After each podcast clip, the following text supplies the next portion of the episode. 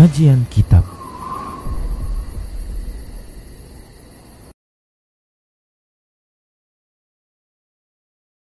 Bismillah, Assalamualaikum warahmatullahi wabarakatuh. Innal hamdalillah nahmaduhu wa nasta'inuhu wa nastaghfiruh wa na'udzu billahi min shururi anfusina wa min sayyiati a'malina. Man yahdihillah fala mudilla lah wa man yudlilhu fala wa ashhadu an la ilaha illallah wahdahu la syarika lah وأشهد أن محمدا عبده ورسوله صلى الله عليه وسلم. قال الله تبارك وتعالى يا أيها الذين آمنوا اتقوا الله حق تقاته ولا تموتن إلا وأنتم مسلمون. يا أيها الناس اتقوا ربكم الذي خلقكم من نفس واحدة وخلق منها زوجها وبس منهما رجالا كثيرا ونساء. واتقوا الله الذي تساءلون به والأرحام. إن الله كان عليكم رقيبا.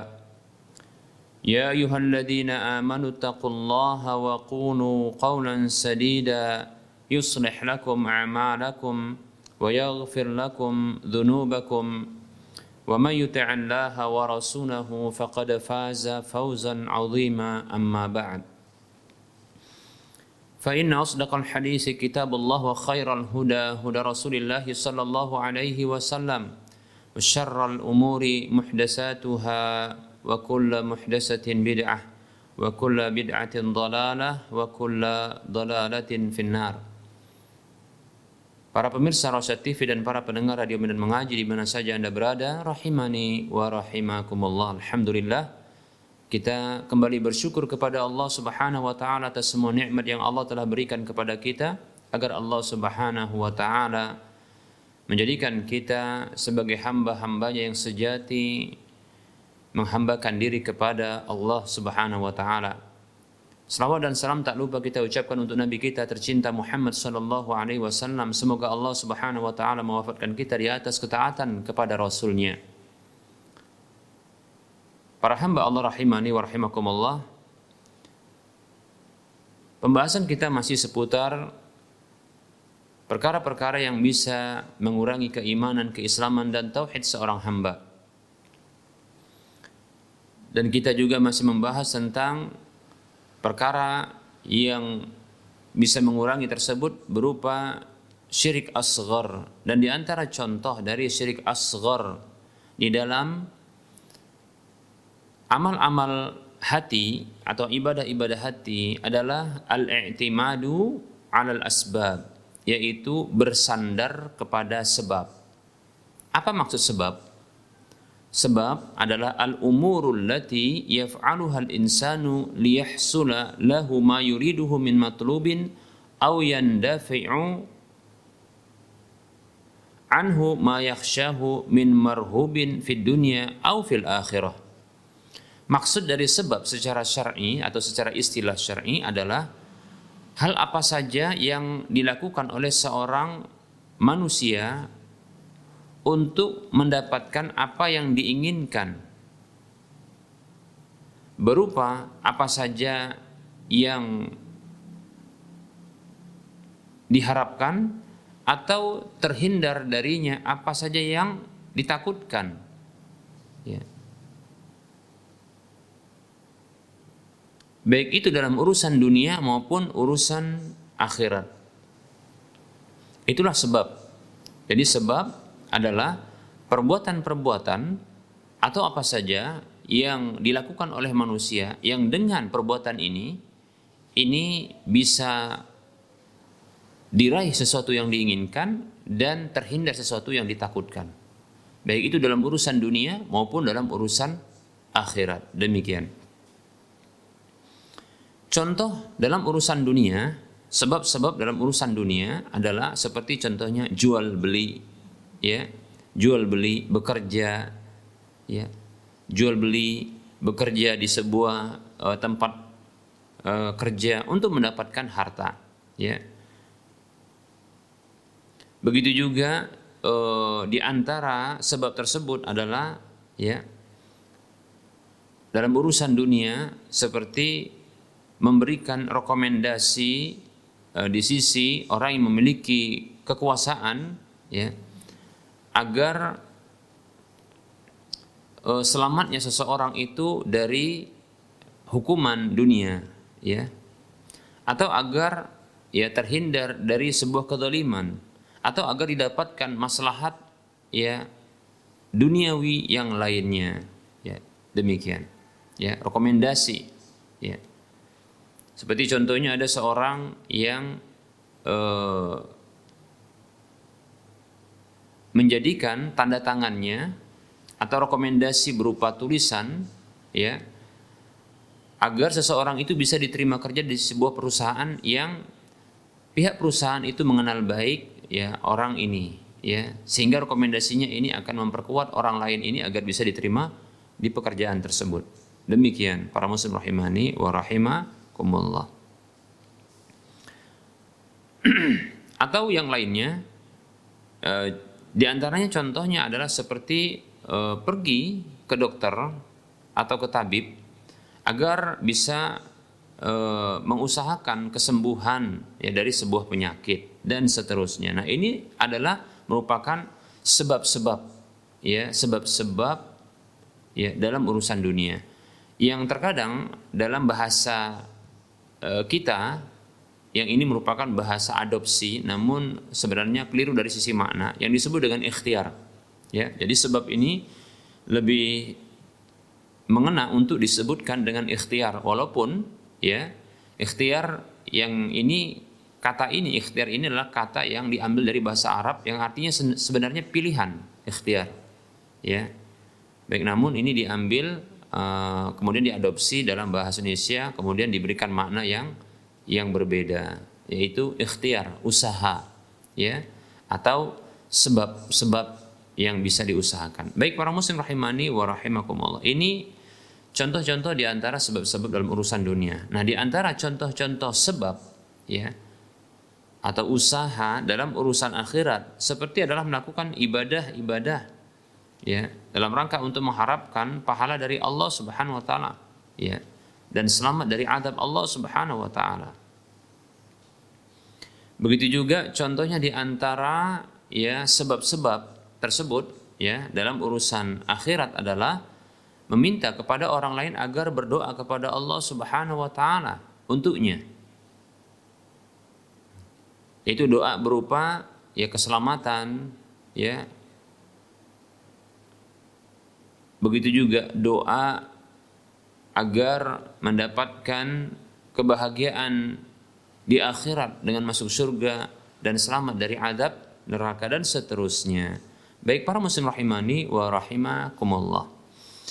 Selayaknya bagi seorang mukmin baik itu dalam urusan dunia maupun dalam urusan akhiratnya atau urusan agamanya, hendaknya mereka ya dan ini bukanlah anjuran sifatnya namun ya ini adalah sebuah kewajiban ya mereka itu mempergunakan mengambil sebab-sebab yang syar'i. Sebab-sebab yang syar'i yaitu yang disebutkan secara syar'i manfaatnya ya, yang disebutkan secara syar'i manfaatnya. Demikian. Atau tata caranya atau usaha tersebut disebutkan secara syar'i atau mempergunakan atau mengambil sebab-sebab yang disebut dengan qadari ya yang disebut dengan qadari yaitu sebab-sebab yang secara uh, duniawi telah melalui penelitian ya yang akurat dan valid bahwasanya sesuatu tersebut memang memiliki pengaruh yang telah Allah Subhanahu wa taala ciptakan demikian. Baik para muslim rahimani rahimakumullah. Jadi sebab itu ada dalam urusan dunia juga ada dalam urusan akhirat atau agama. Namun ditinjau dari syar'i atau tidak e, syar'inya maksudnya adalah ada penyebutan secara syar'i atau tidak sebab-sebab tersebut maka terbagi menjadi ya dua yaitu sebab-sebab yang dia disebutkan secara syar'i tata caranya atau manfaatnya Begitu juga yang kedua adalah sebab-sebab yang dia telah melalui penelitian dan uh, uji coba ya bahwasanya sesuatu tersebut memang memiliki pengaruh yang telah Allah SWT sebutkan atau yang telah Allah SWT uh, jadikan padanya yang telah Allah Subhanahu wa taala ciptakan padanya. Demikian. Baik para muslim rahimani wa rahimakumullah. Nah tentunya Eh, ketika seorang muslim menjadikan perkara-perkara ini adalah sebab ya menjadi sebuah usaha. Ya seorang muslim mengambil sebab-sebab usaha-usaha ya faktor-faktor baik itu secara syar'i maupun secara penelitian ya uji klinis kalau bahasa kita ya. Bahwa saja memang itu lulus uji memiliki uh, pengaruh maka wajib bagi seorang muslim ya ketika itu dia meyakini bahwa ya pengaruh ya pengaruh itu itu datangnya dari Allah Subhanahu wa taala. Allah Subhanahu wa taala yang mentakdirkan bahwasanya hal-hal tersebut atau usaha-usaha tersebut atau apa saja itu perkara-perkara itu yang dijadikan sebab itu ini hanya sekadar sebab dan harus meyakini bahwa pengaruhnya itu datang dari Allah Subhanahu wa taala. Inilah yang seharusnya dimiliki oleh seorang muslim. Baik kita contohkan para muslim rahimani wa rahimakumullah. Kita contohkan dalam urusan dunia seperti seseorang yang dia berjual beli, berjual beli atau dia bekerja itu sebagai bentuk usaha. Ya. Kalau bahasa kita adalah ikhtiar, ya. Untuk mendapatkan harta yang dengannya dia bisa ya uh, bertahan hidup ya maka wajib diketahui dan wajib diyakini oleh seorang muslim mukmin dengan keimanan dan keyakinan yang benar bahwa ya, jual beli demikian pula ya pekerjaan di mana dia bekerja ini merupakan salah satu sebab saja. Ini merupakan sebab saja ya untuk bisa menentangkan ya dengannya ya uh, Allah Subhanahu wa taala memberikan rezeki kepada seorang hamba. Seperti itu.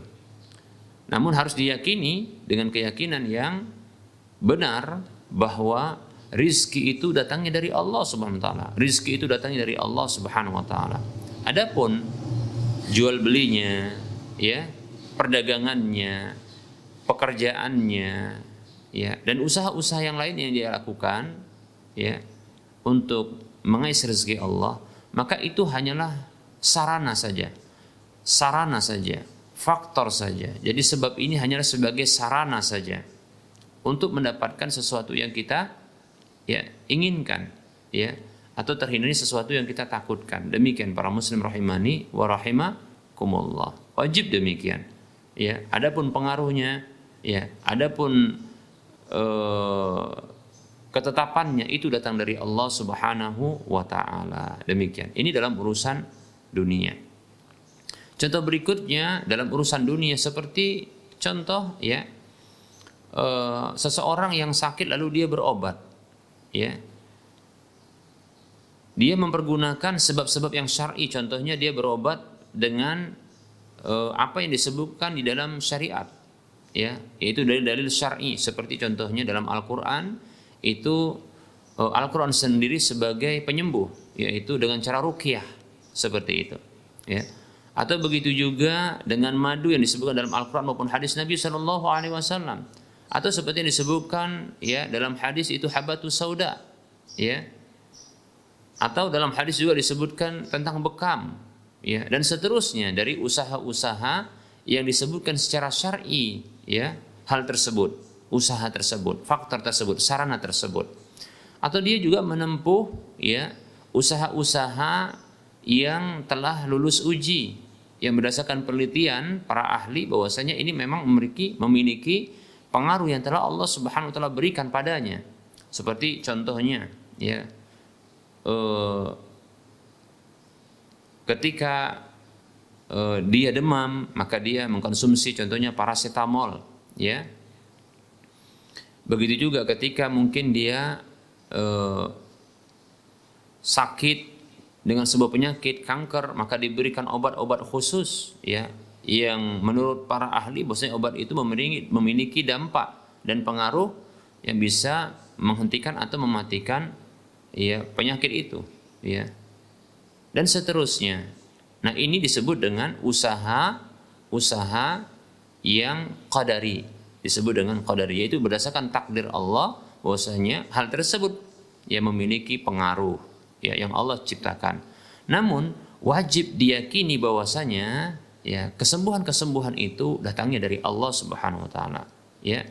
Kesembuhan itu datangnya dari Allah sementara dan Allah zat yang menyembuhkan dan kesembuhan itu datang darinya.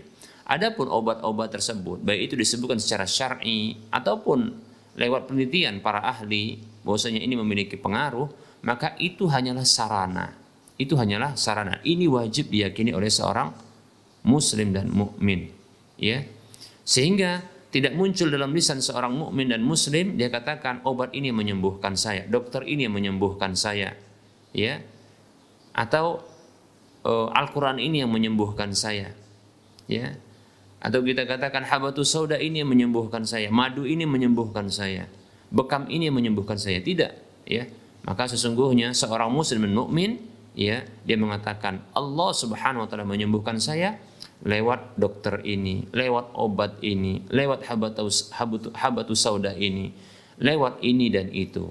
Namun kesembuhan itu ya datang dari Allah dan Allah adalah zat yang menyembuhkan. Seperti itu. Itu adalah ungkapan yang menunjukkan keimanan seorang hamba Allah Subhanahu wa taala. Demikian, ya. Seperti itu seharusnya. Seperti itu seharusnya. Baik para muslim rahimani rahimakumullah, uh, kita berikan juga contoh untuk ya maksudnya kita akan jelaskan ya uh, menghadirkan contoh sebab-sebab atau sarana-sarana ya dalam urusan ya akhirat ya seperti contohnya adalah ibadah-ibadah ya ibadah-ibadah ya untuk menghadapkan mengharapkan balasan dari Allah Subhanahu wa taala agar dia bisa mendapatkan uh, surga dan mendapatkan Eh, dan mendapatkan balasan kebaikan di surga. Begitu juga selamat dari ya adab Allah di neraka ya yaitu selamat dari adab neraka. Demikian para muslim rahimahni wa rahimakumullah. Maka ya eh, seorang hamba ketika dia melakukan amal, maka sesungguhnya amal ini harus diyakini sebagai sebab saja. Sebagai sebab agar ya Allah Subhanahu wa taala menyelamatkan dirinya dari neraka dan memasukkannya ke dalam surga. Demikian.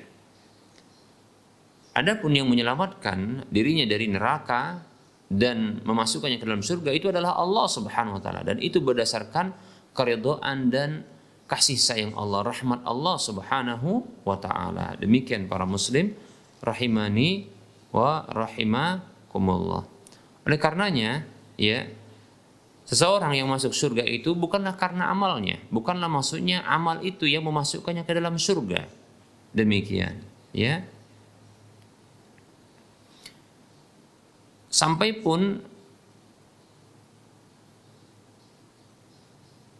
Rasulullah Shallallahu Alaihi Wasallam, ya, Rasulullah Shallallahu Alaihi Wasallam, ya, beliau juga, ya, tidaklah masuk ke dalam surga atas dasar amal beliau. Ya.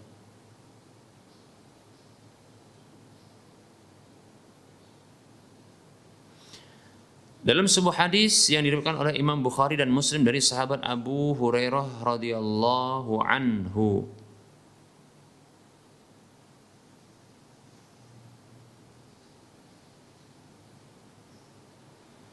Rasulullah Shallallahu alaihi wasallam Beliau bersabda,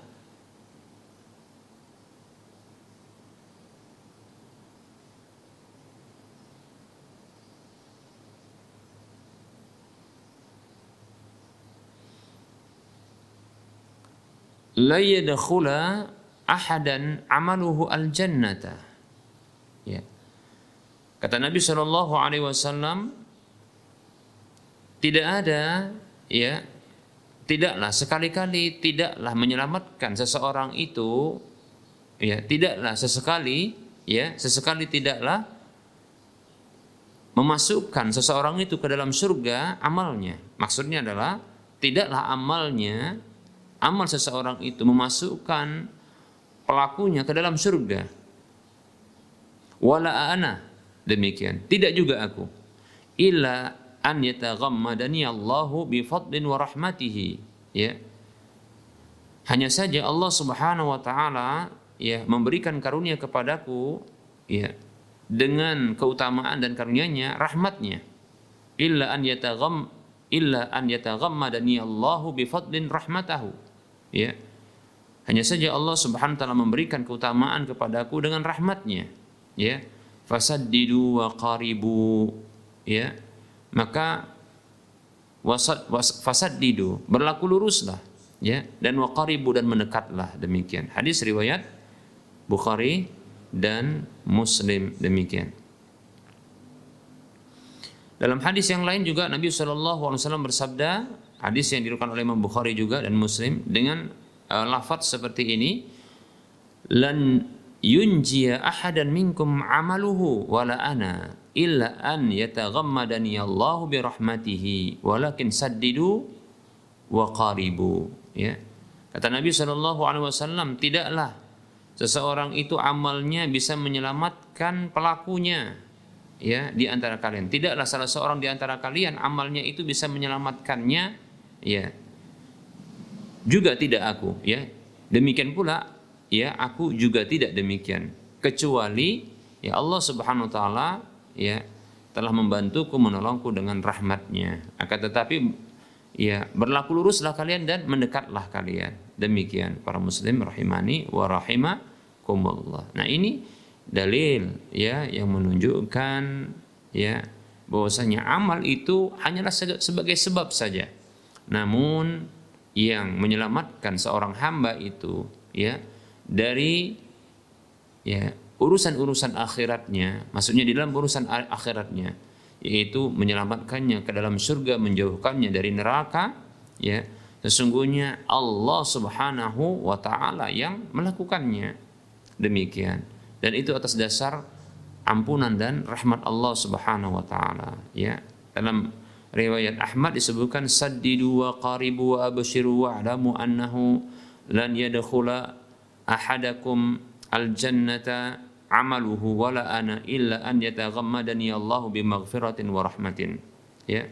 Berlaku luruslah kalian dan mendekatlah kalian kepada kebaikan-kebaikan dan bergembiralah kalian serta ketahuilah bahwasanya tidaklah ya bisa amalnya itu memasukkan salah seorang di antara kalian ke dalam surga. Tidak juga aku kata Rasulullah SAW kecuali ya Allah Subhanahu wa taala telah menolongku dengan ampunannya dan rahmatnya. Demikian ya. Jadi karena rahmat Allah lah ya. Karena ampunan Allah lah makanya kita ya bisa dimasukkan ke dalam surga oleh Allah Subhanahu wa taala. Yang melakukan itu memasukkan kita ke dalam surga adalah Allah Subhanahu wa taala. Yang menyelamatkan kita dari surga adalah Allah Subhanahu wa taala. Adapun amal-amal soleh kita itu hanyalah sebagai sebab agar dengan amal soleh tersebut Allah Subhanahu wa taala mengampuni kita. Agar dengan amal soleh tersebut Allah taala merahmati kita. Ya, meridhoi kita sehingga Allah pun memasukkan kita ke dalam surga dan menjauhkan kita dari neraka. Semoga Allah Subhanahu wa taala menjadikan kita sebagai hamba-hambanya yang beriman dan beramal soleh. Lalu dengan hal itu Allah Subhanahu wa taala yang mengampuni kita dan merahmati kita meridhoi kita lalu memasukkan kita ke dalam surganya dan menjauhkan kita dari nerakanya. Amin. Ya rabbal alamin. Baik para muslim rahimani wa rahimakumullah. Nah nah seorang muslim mukmin tak pantas baginya dia bersandar kepada amalnya. Ya tidaklah bersandar tidak bersandar kepada amalnya. Baik itu dalam urusan dunia maupun dalam urusan akhiratnya demikian Apabila seorang hamba dia bersandar dengan amalnya ya atau dengan sebab tersebut dengan sebab tersebut kita ulangi ya seorang mukmin dan muslim ya tidak pantas baginya untuk bersandar kepada sebab-sebab ya usaha-usaha di dalam urusan dunianya maupun dalam urusan akhiratnya. Demikian. Nah, apabila seorang hamba dia bersandar kepada sebab-sebab tersebut, faktor-faktor yang itu menjadi sarana hanya sebagai sarana, maka sesungguhnya ketahui maka hamba tersebut bisa jatuh ke dalam kesyirikan. Ya, kesyirikan. Seperti itu. Hanya sekedar bersandar kepada sebab saja. Namun, ya, apabila seorang hamba itu bersandar kepada sebab secara totalitas dan tidak ada peran Allah Subhanahu wa taala di dalam ya apa yang telah dia usahakan tersebut ya bahwasanya ya sebab itulah yang bisa mendatangkan maslahat manfaat ya atau yang bisa menghindarkan dari mudorot maka ketahuilah ini berstatus syirik akbar. Ini berstatus syirik akbar demikian. Oleh karenanya kalau kita bersandar ya kepada obat kepada eh, dokter begitu juga kepada pekerjaan kita untuk mendapatkan rizki ya kepada obat untuk mendapatkan kesembuhan kita bersandar secara totalitas kepada sebab itu faktor tersebut sarana tersebut tidak ada peran Allah di dalamnya bahwasanya sarana-sarana itulah yang bisa memberikan man manfaat dan bisa menolak mudarat ketahui ini merupakan syirik akbar karena menjadikan selain Allah ini sebagai tandingan bagi Allah di dalam kemampuan memberikan manfaat dan ya mudo, me, menolak mudarat. Demikian para muslim rahimani wa rahimakumullah. Seperti itu para muslim rahimani wa rahimakumullah. Namun apabila seseorang yang dia bersandar kepada sebab ya, bersandar kepada sebab ya, namun diiringi dengan keyakinan bahwa Allah Subhanahu wa taala ya yang memberikan manfaat dan e, mudaratnya ya maka ini hanya syirik asghar. Ini hanya syirik asghar ya syirik asghar demikian maka yang sepantasnya adalah seorang mukmin seorang muslim dia mengambil sebab tersebut karena memang diperintahkan oleh Allah Subhanahu wa taala. Ya. Namun dia meyakini dan bertawakal, menyandarkan dirinya kepada Allah Subhanahu wa taala. Ya. Bahwasanya yang memberikan pengaruh ya tersebut hanyalah Allah Subhanahu wa taala. Yang memberikan manfaat itu hanya Allah Subhanahu wa taala. Begitu juga yang menghilangkan mudarat itu hanya Allah subhanahu wa ta'ala. Demikian para muslim rahimani wa rahimakumullah.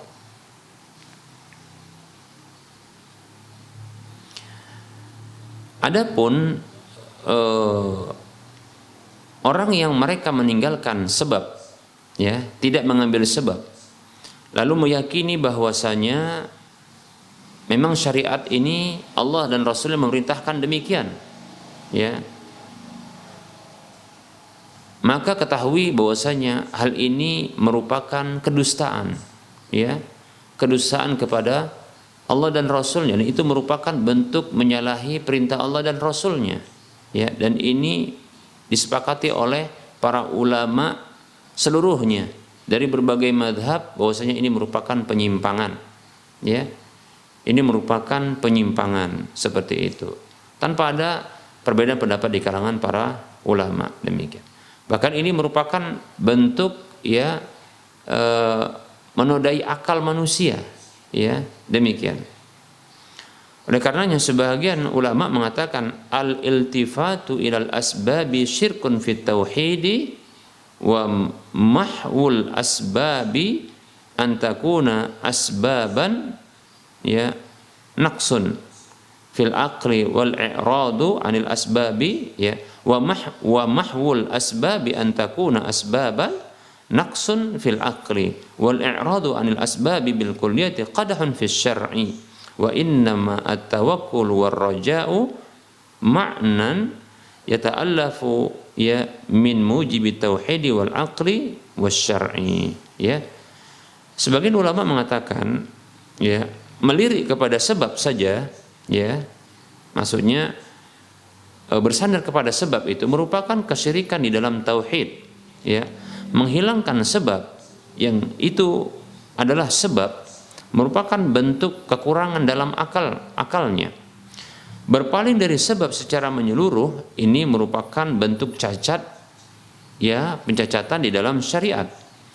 Sesungguhnya ya tawakal harapan ya tawakal dan harapan ya itu adalah satu makna yang menyusun ya e, konsekuensi dari atau yang tersusun darinya ya konsekuensi tauhid akal dan syariat.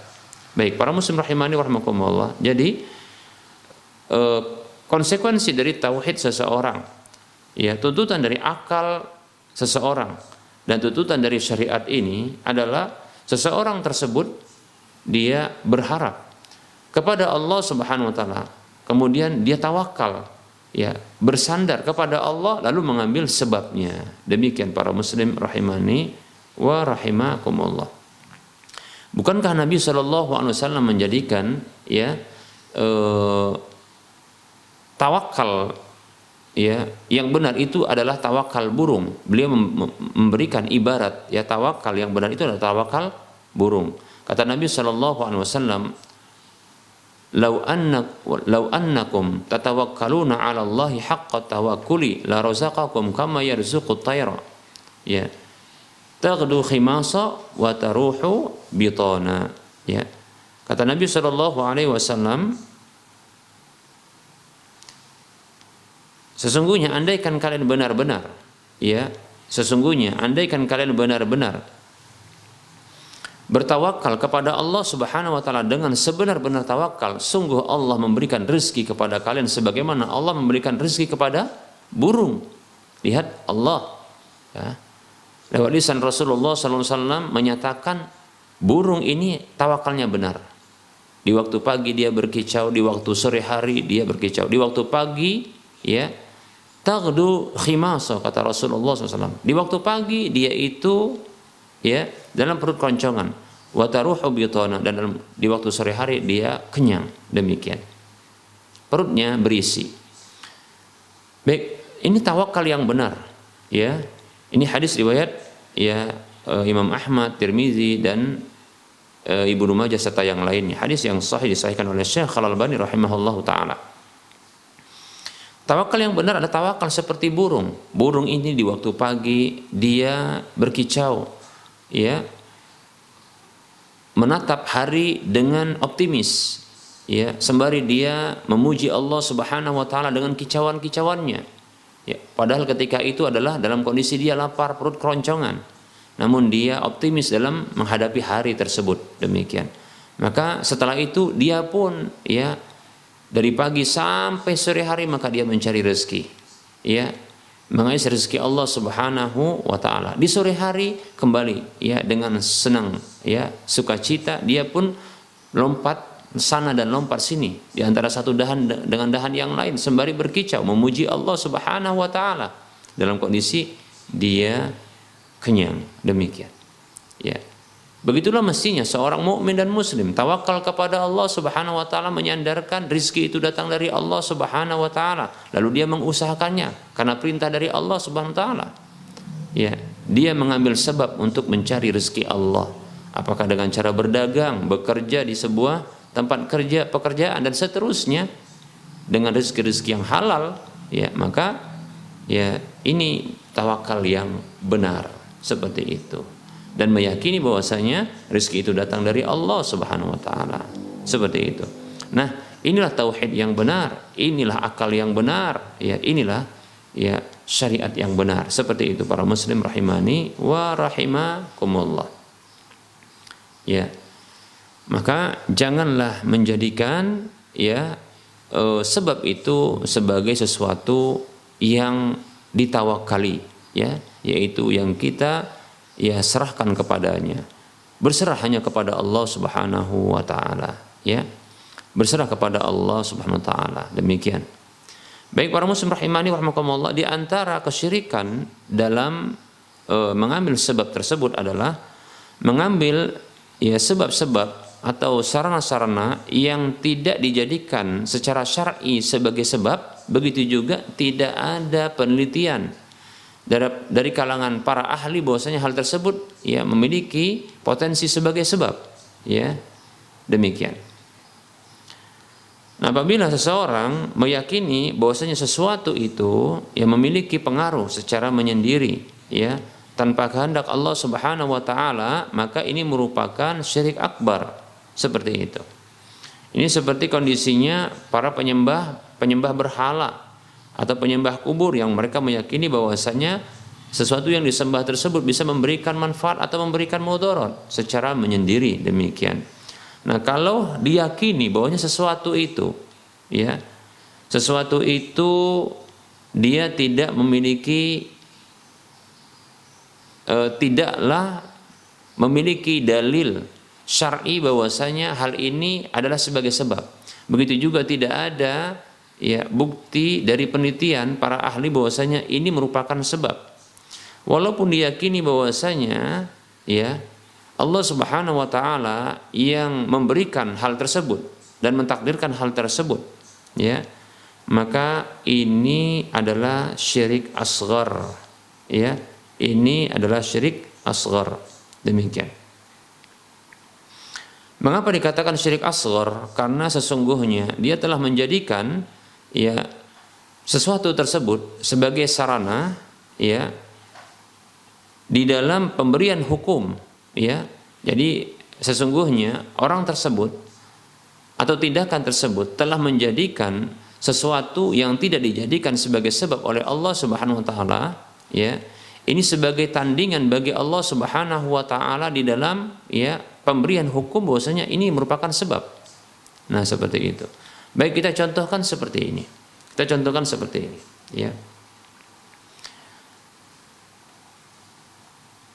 Ada sebuah batu yang diyakini bahwasanya batu ini memiliki khasiat ya, itu menghilangkan penyakit demam, begitu juga bisa eh, memudahkan rizki ya dan seterusnya.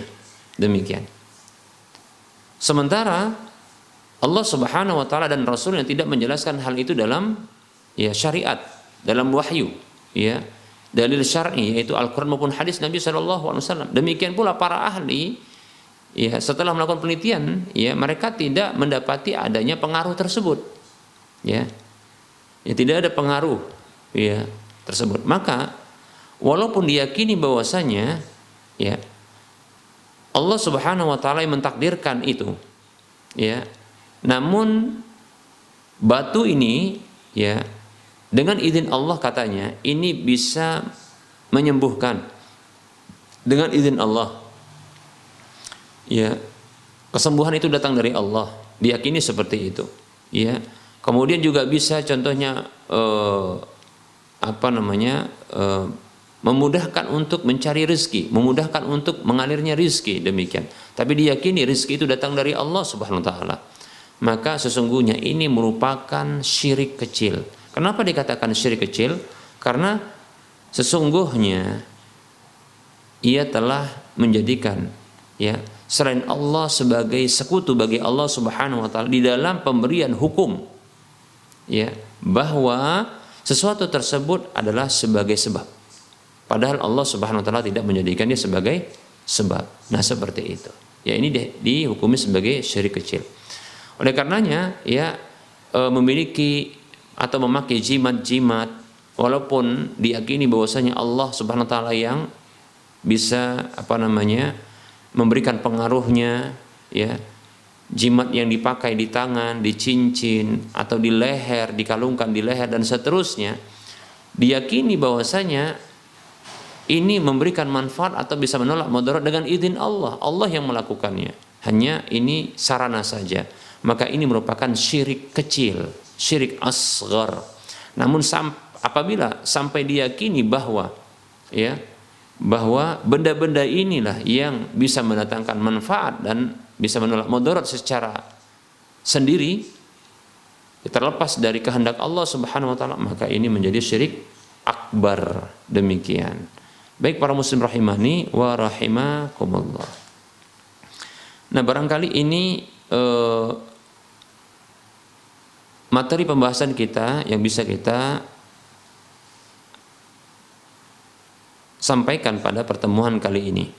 Insya Allah Ta'ala kita akan lanjutkan pada waktu mendatang dan kita lanjutkan dengan sesi soal jawab. Ada pertanyaan?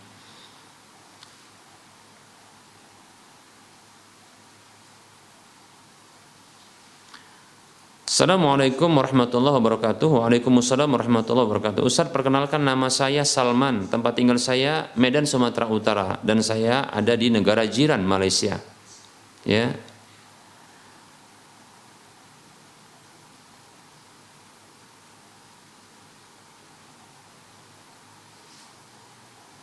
Baik, eh, pertanyaannya sebenarnya tidak ada, namun eh, meminta kami di sini butuh bimbingan dari orang yang berilmu ya. Kami harap Ustaz berkenan membimbing kami di sini. Jazakallahu khairan. Baik ya. Wa anta fajazakallahu khairan. Baik ya. Ini bukan pertanyaan ini ya. Permintaan ya. Baik ya.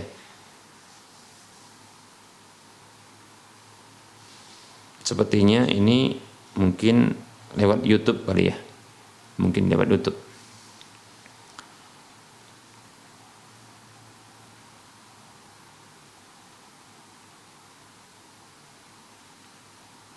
Baik, berikutnya pertanyaan berikutnya. Assalamualaikum Ustaz.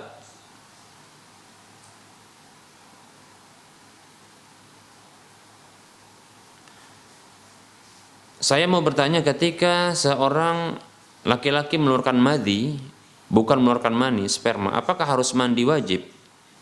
Syukran Ustaz. Waalaikumsalam warahmatullahi wabarakatuh. Sesungguhnya eh, cairan yang keluar dari kemaluan itu ada tiga selain darah ya.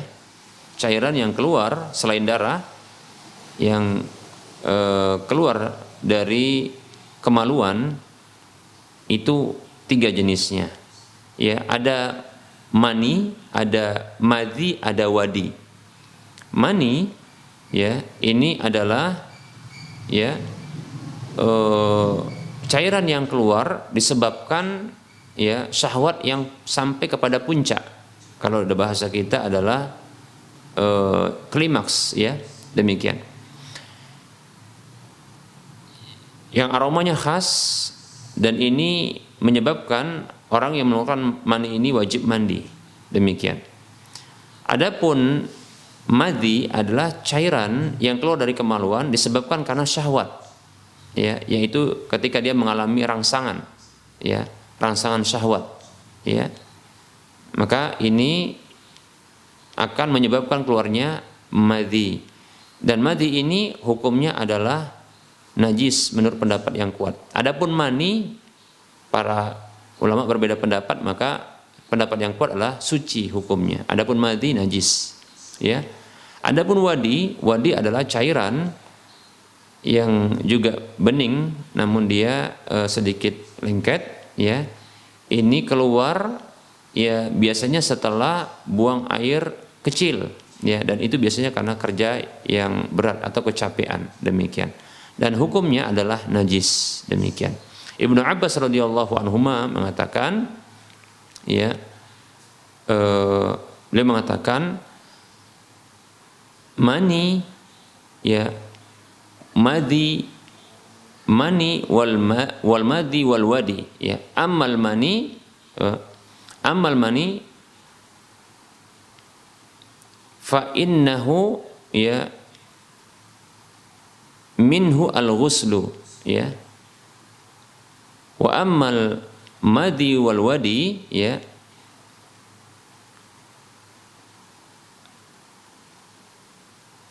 fahuma ya Fahuma minhuma ya uh, ghuslun ya. Atau disebutkan dalam uh, ungkapan Ibnu Abbas radhiyallahu anhu adalah ya ghus ya ighsul ya uh, faghsilu ya madzakirahu madzakirahu ya madzakirahu ya seperti itu falyatawadda wudu'ahu lis-shalah. Baik uh, ungkapan Ibnu Abbas yang mirip dengan ini ya. Bila lafadznya keliru tadi yang kita sebutkan maka maknanya seperti ini ya. Ada tiga istilah yaitu mani madi dan wadi ya. Amal mani adapun mani kata beliau ya. Maka itulah yang wajib mandi ya. Itulah yang wajib mandi kemudian adapun madi dan wadi maka ya fausil ya madzakirahu ya maka cucilah kemaluannya ya. Kemudian wudulah summa tawadda wudu'ahu lis-shalah. Kemudian berwudulah ya e, seperti wudunya hendak salat seperti itu. Baik ya au kama qala ya radhiyallahu anhuma au kama qala sallallahu alaihi wasallam ini hadisnya ada yang mengatakan ini hadisnya Ibnu Abbas ada yang mengatakan ini hadisnya uh, hadisnya Rasulullah, ungkapan Rasulullah Shallallahu Alaihi Wasallam.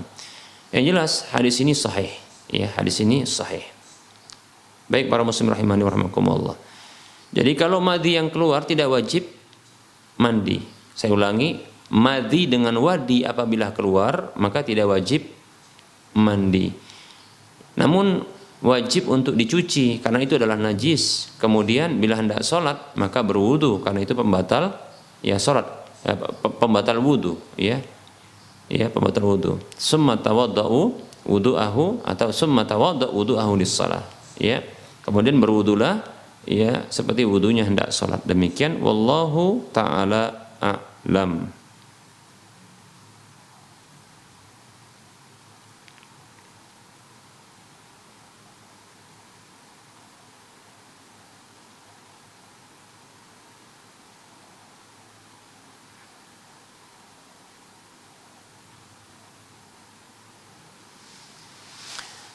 Bismillah, Assalamualaikum Ustadz Ini Nur Hijah di Asahan. Empat hari yang lalu qadarullah kakek saya meninggal dunia. Allah maghfirlahu warhamhu wa'afihi wa'afu anhu akrim nuzulahu wa wasi' madakhalahu ya.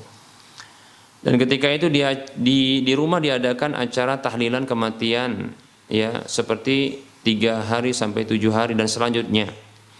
Karena di keluarga kami belum mengenal ya sunnah Nabi saw. Ya, saya hanya mampu ya uh, mengingkari dengan hati. Dan saya menyarankan kepada orang tua untuk berinfak atas nama kakek. Ya rahimahullah. Ada sedikit uang. Kira-kira lebih baik untuk berinfak untuk pembangunan masjid wakaf musab Quran pembangunan pondok tahfidz atau transfer untuk membantu channel dakwah. Mohon nasihatnya Ustaz dan semoga kakek rahimahullah taala diampuni dosa-dosanya dan terbebas dari siksa kubur. Amin. Jazakallahu khaira wa barakallahu fik wa fik barakallah. Wa anti fajazakillahu khaira. Waalaikumsalam warahmatullahi wabarakatuh. Kita doakan ya kakek sang penanya ini semoga diampuni dosa-dosanya, kemudian dimaafkan kesalahan-kesalahannya, diberikan rahmat oleh Allah Subhanahu wa taala, dilapangkan kuburannya, diangkat siksanya. Demikian. Amin ya rabbal alamin. Allahumma ighfir lahu warhamhu wa'afihi wa'fu anhu wa akrim nuzulahu wa wasi' madakhalahu.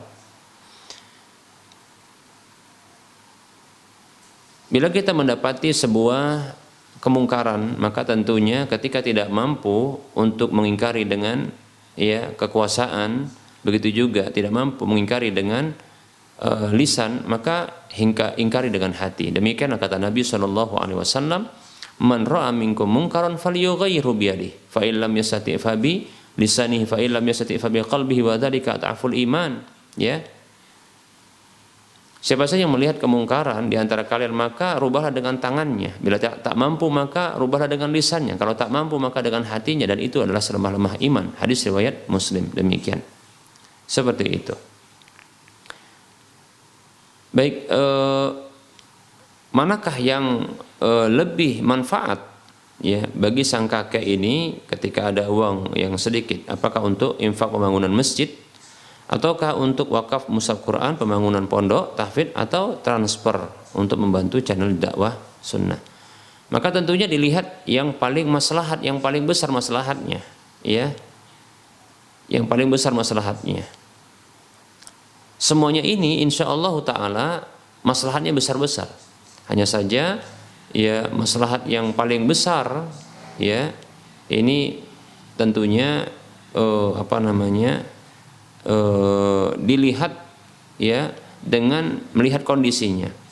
Kalau mushaf Quran bisa jadi ada mushaf Quran yang lain yang barangkali uh, tidak terpakai keseluruhannya. Bila memang diletakkan di masjid. Kecuali mungkin ini diserahkan kepada uh, para santri-santri penghafal Quran ya maka masing-masing mereka bisa jadi juga ya menghafalnya dari mushaf Quran tersebut ya bisa jadi ya. Namun tentunya mushaf tersebut akan e, mengalami kerusakan ya karena berjalannya waktu ya seiring dengan berjalannya waktu. Adapun pembangunan masjid insya Allah taala ini lebih lebih lebih bertahan lama demikian ya. Begitu juga pembangunan pondok tahfidz. Dan begitu juga ya e, membantu ya channel dakwah ya sunnah ini juga ya bertahan lama. Hanya saja mungkin manfaatnya akan habis. Adapun kalau dia e, diberikan atau diarahkan kepada satu benda yang bersifat permanen berikutnya, ya seperti contohnya bangunan ya atau lahan ya yang akan dijadikan sebagai pendidikan Islam ya pendidikan sunnah begitu juga untuk ibadah seperti masjid maka ini lebih bertahan lama insya Allah taala. Maka saya pribadi condong wallahu taala alam ini bisa diarahkan untuk pembangunan masjid begitu juga untuk pembebasan lahan masjid ya. Atau juga untuk pembebasan lahan pembangunan ya rumah tahfidz atau pendidikan Islam ya ataupun bangunannya ya wallahu taala alam. Ya silakan mungkin memilih di antara yang ada ini. Wallahu a'lam.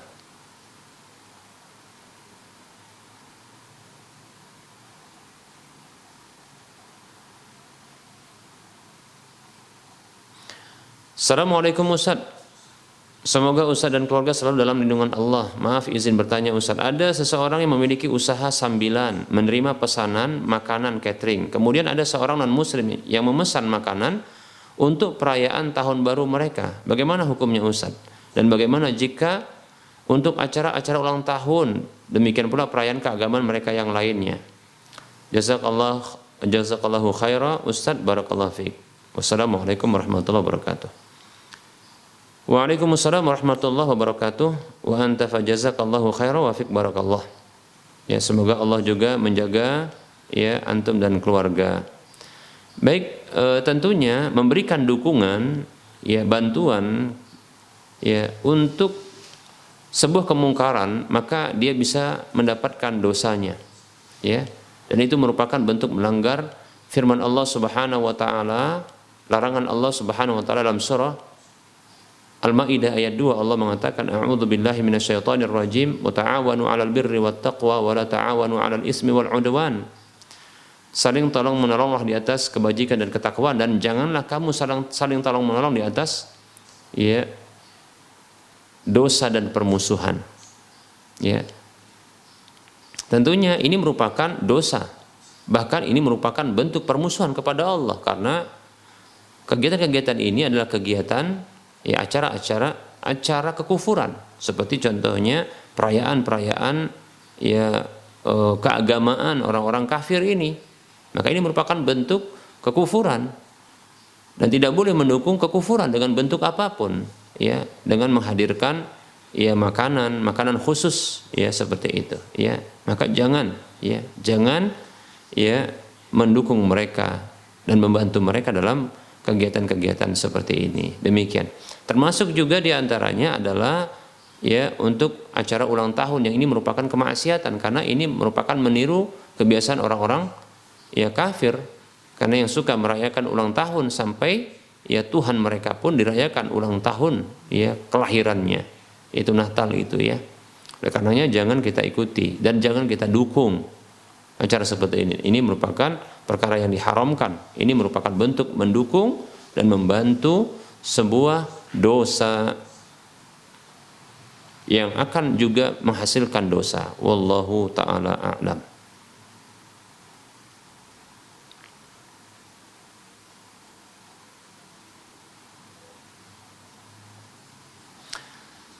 Assalamualaikum warahmatullahi wabarakatuh. Izin bertanya Ustaz, apa hukumnya membakar Al-Quran? Maksudnya membakar mushaf Quran. Dikarenakan Al-Quran tersebut telah rusak dan tidak bisa dibaca lagi tulisannya. Mohon solusi terbaiknya Ustaz. Terima kasih. Waalaikumsalam warahmatullahi wabarakatuh. Ya. Perlu kita ketahui bahwasanya ya membakar Al-Qur'an ya ini dikembalikan kepada niatnya ya bila maksudnya adalah untuk menghinakan Al-Qur'an maka ini menjadi kekufuran ya adapun untuk menghilangkan tulisan-tulisannya ya membakar itu maksudnya menghilangkan tulisannya sehingga tidak terhinakan ya ketimbang hanya ditanam ya atau diletakkan sampai hancur yang barangkali nanti akan terbuang ya maka ini adalah baik kalau seandainya hanya bermaksud untuk menghilangkan e, tulisan-tulisannya. Sehingga dia menjadi debu ya menjadi debu. Kemudian ya e, sama seperti debu-debu yang lainnya. Demikian ya. Debu bekas ya e, benda yang terbakar seperti itu untuk menghilangkan tulisannya. Dan inilah yang dilakukan oleh Utsman bin Affan radhiyallahu anhu tatkala beliau menjadi khalifah dan tatkala beliau ya membukukan atau membuat uh, mushaf Al-Qur'an dengan dialek ya, sesuai dengan dialek uh, Quraisy ya demikian. Nah tatkala beliau uh, telah menarik semua ya mushaf-mushaf Quran dengan dialek-dialek yang lain yang ini memunculkan perseteruan di antara kaum muslimin lalu beliau mendistribusikan dan menyebarkan uh, mushaf Quran atas dialek uh, sesuai dengan dialek Quraisy dan itu disebut dengan mushaf uh, Utsman ya mus, mushaf Utsmani ya kemudian uh, tatkala terkumpul ya mushaf-mushaf Quran yang di sana ada firman-firman Allah Subhanahu wa taala namun dengan dialek yang berbeda maka Utsman bin Affan radhiyallahu anhu mengambil sebuah ijtihad untuk menghilangkan tulisannya agar tidak terhinakan dengan cara dibakar. Demikian. Dan ini tidak ada satupun para sahabat yang hidup ketika itu yang mengingkarinya, tidak ada. Ya. Karena hal ini adalah maslahat untuk hanya menghilangkan ya e, tulisan Al-Qur'an yang ada di mushaf Quran tersebut. Sehingga ia menjadi sama menjadi debu-debu yang biasa yang lainnya, demikian. Ya. Sehingga tidak terhinakan dengan cara terpijak-pijak ya dan seterusnya. Demikian. Dan tentunya ini adalah cara yang juga terbaik. Karena sesungguhnya Rasulullah SAW pernah bersabda ya kepada kita umatnya ya untuk umatnya. Alaikum bisunnati wa sunnatil khulafa'ir rasyidin al mahdiyyin min ba'di. Ya berpegang teguhlah kalian dengan petunjuk dan petunjuk khulafa'ur rasyidin yang mendapatkan petunjuk dan lagi lurus. Nah, di antara khulafaur rasyidin yang lurus itu adalah Utsman bin Affan dan di antara kebijakannya adalah ya menghilangkan tulisan-tulisan ya Al-Qur'an agar tidak terhinakan lembaran-lembaran Quran tersebut yang tidak lagi terpakai dengan cara membakarnya. Demikian, ya.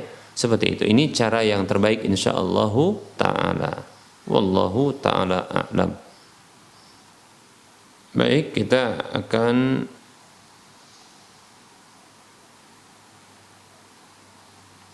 menjawab pertanyaan berikut. Assalamualaikum, Pak Ustadz mau tanya, kalau kita pinjam uang ke bank konvensional, kan ada bunganya, tapi bunga itu disalurkan untuk bantuan kemanusiaan oleh bank. Mohon penjelasannya, gimana hukum pinjamannya? Waalaikumsalam warahmatullahi wabarakatuh. Ya. Hukum meminjam, lebih tepat bukan meminjam tapi berhutang, yaitu eh, mengambil sejumlah uang yang disepakati dari sebuah bank konvensional, ya, lalu dijanjikan untuk dikembalikan plus dengan bunganya, maka tentunya ini adalah riba, ya, riba. Jadi bunga, ya, bunga yang ditetapkan itu adalah riba. Orang yang berhutang ini maka disebut dengan mukilur riba, adapun pihak perbankannya adalah akilur riba, ya. Jadi orang yang berhutang di perbankan lembaga-lembaga ribawi seperti ini maka disebut dengan ya mukilur riba orang yang memberi makan dengan cara riba adapun ya pihak perbankannya disebut dengan akilur riba yaitu pemakan riba karena dia mendapatkan manfaat atas riba tersebut. Demikian. Ya. Dan ini tentunya dengan alasan apa pun tidak dibenarkan. Walaupun contohnya pihak perbankan ya mengatakan ya bahwasanya ini ya akan disalurkan ke bantuan sosial atau kemanusiaan. Maka tidaklah menjadi benar tindakan tersebut. Ya, tidaklah menjadi benar tindakan tersebut. Seperti itu. Ya, kullu qardin jarran nafan fahuwa riba. Setiap hutang piutang yang menarik keuntungan, ya manfaat, kelebihan, ya, maka itu adalah riba demikian. Seperti itu. Ketahui bahwasanya dalam agama kita ya sarana itu tidak boleh menghalalkan segala uh, tujuan tidaklah boleh menghalalkan segala cara ya. Seperti itu. Tujuan itu tidaklah boleh menghalalkan segala cara. Bila dituju adalah untuk bantuan kemanusiaan maka tidak boleh melakukannya mengambil atau menempuh jalan cara sarana yang diharamkan. Seperti itu. Ya. Sebenarnya pihak perbankan konvensional bila ingin melakukan ya bantuan kemanusiaan bisa dengan cara-cara yang halal. Ya, seperti contohnya dia berlakukan saja caranya bukan orang yang berhutang itu dikasih beban ya dikasih beban e, untuk membayar lebih ya bisa dia berlakukan dengan cara akad bagi hasil ya yaitu pihak perbankan itu memberikan permodalan yang Eh, ditanggung dan siap untuk ditanggung kerugian yang bersifat alami. Lalu sebagian dari keuntungan yang didapatkan dengan setelah menetapkan dengan persentase yang disepakati ya bagi perbankan demikian pula pengelola maka silakan ditetapkan nanti sebagian dari keuntungan tersebut diarahkan untuk bantuan sosial. Begitu caranya. Bukan dengan cara ya bukan dengan cara menghalalkan segala cara ya untuk sampai kepada tujuan ya. Ya. Seperti itu. Adapun ya prinsip al ghayatu tubarrirul wasilah ya tujuan itu menghalalkan segala cara. Ini prinsipnya orang kafir ya. Ini prinsip orang kafir. Ini tidak dibenarkan ya. Al ghayatu la tubarrirul wasilah. Itu yang benar.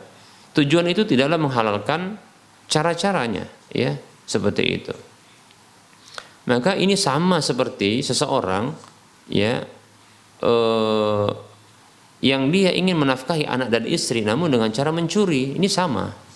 Ya. Seperti itu. Bila ingin menafkahi anak dan istri dan ini niat bagus, tujuan yang bagus namun dengan cara yang bagus pula. Jadi ketahui ya untuk benarnya sesuatu ya maka harus benar niatnya juga benar caranya begitu ya untuk bagusnya sesuatu maka harus ben, bagus ya. Niatnya bagus juga caranya. Demikian. Seperti itu. Wallahu taala alam. Maka tidak bisa dibenarkan yang seperti ini ya.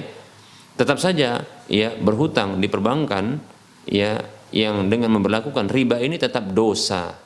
Sama dengan alasan apa pun. Wallahu taala alam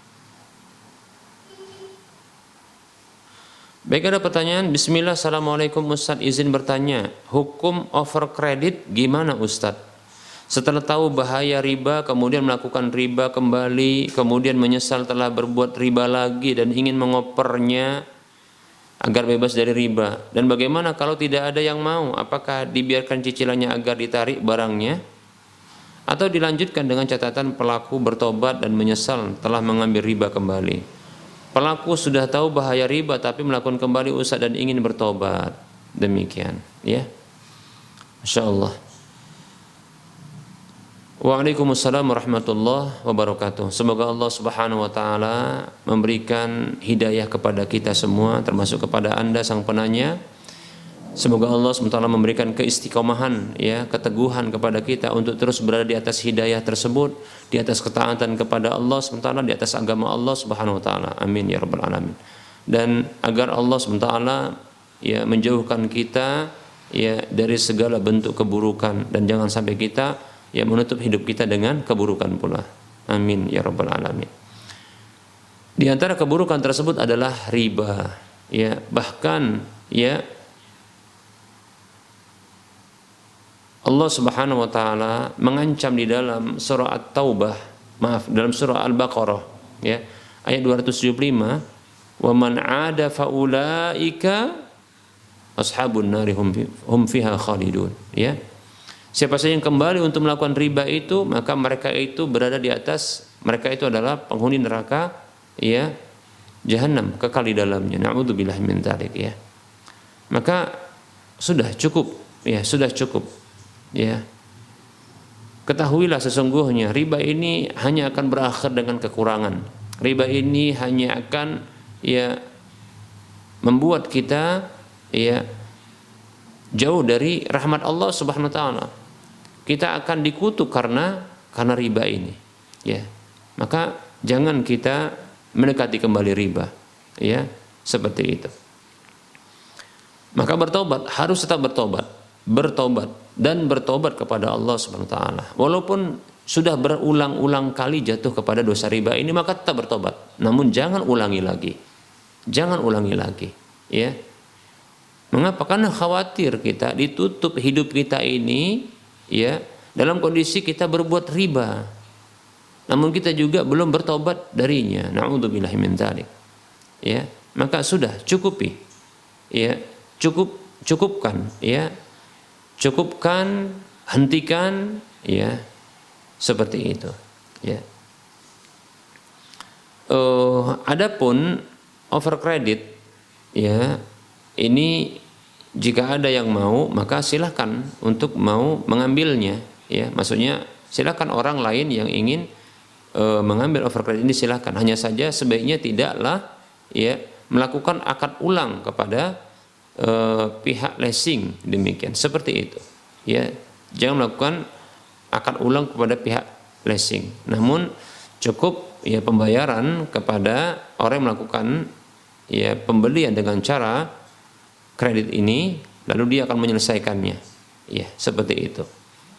Adapun pembeli cukup dia e, menyelesaikan kepada sang pembeli pemilik sebelumnya. Seperti itu. Ya kalau belum mampu atau belum ada yang e, pembelinya, maka tidak masalah dia gunakan apa namanya e, barang tersebut, ya. Dia gunakan barang tersebut, ya. Tetap saja dia bertobat dan dia menyelesaikan, ya. Jika dia memiliki aset untuk bisa diselesaikan, maka jual aset kemudian untuk ditutupkan seperti itu, ya. Nah, kalau seandainya dia tak mampu juga untuk menutupinya, maka apa boleh buat kalau seandainya untuk e, ditarik oleh pihak leasingnya? Seperti itu ya. Yang jelas bertobat. Bertobat dan jangan diulangi lagi. Ya, ini berbahaya kita katakan ya. Karena diancam dengan neraka ya. Diancam dengan neraka. Dan yang diperangi adalah Allah dan Rasulnya. Demikian ya. Wallahu taala alam. Semoga Allah memberikan hidayah kepada kita dan memberikan keistiqomahan di atas hidayah tersebut. Amin ya rabbal alamin.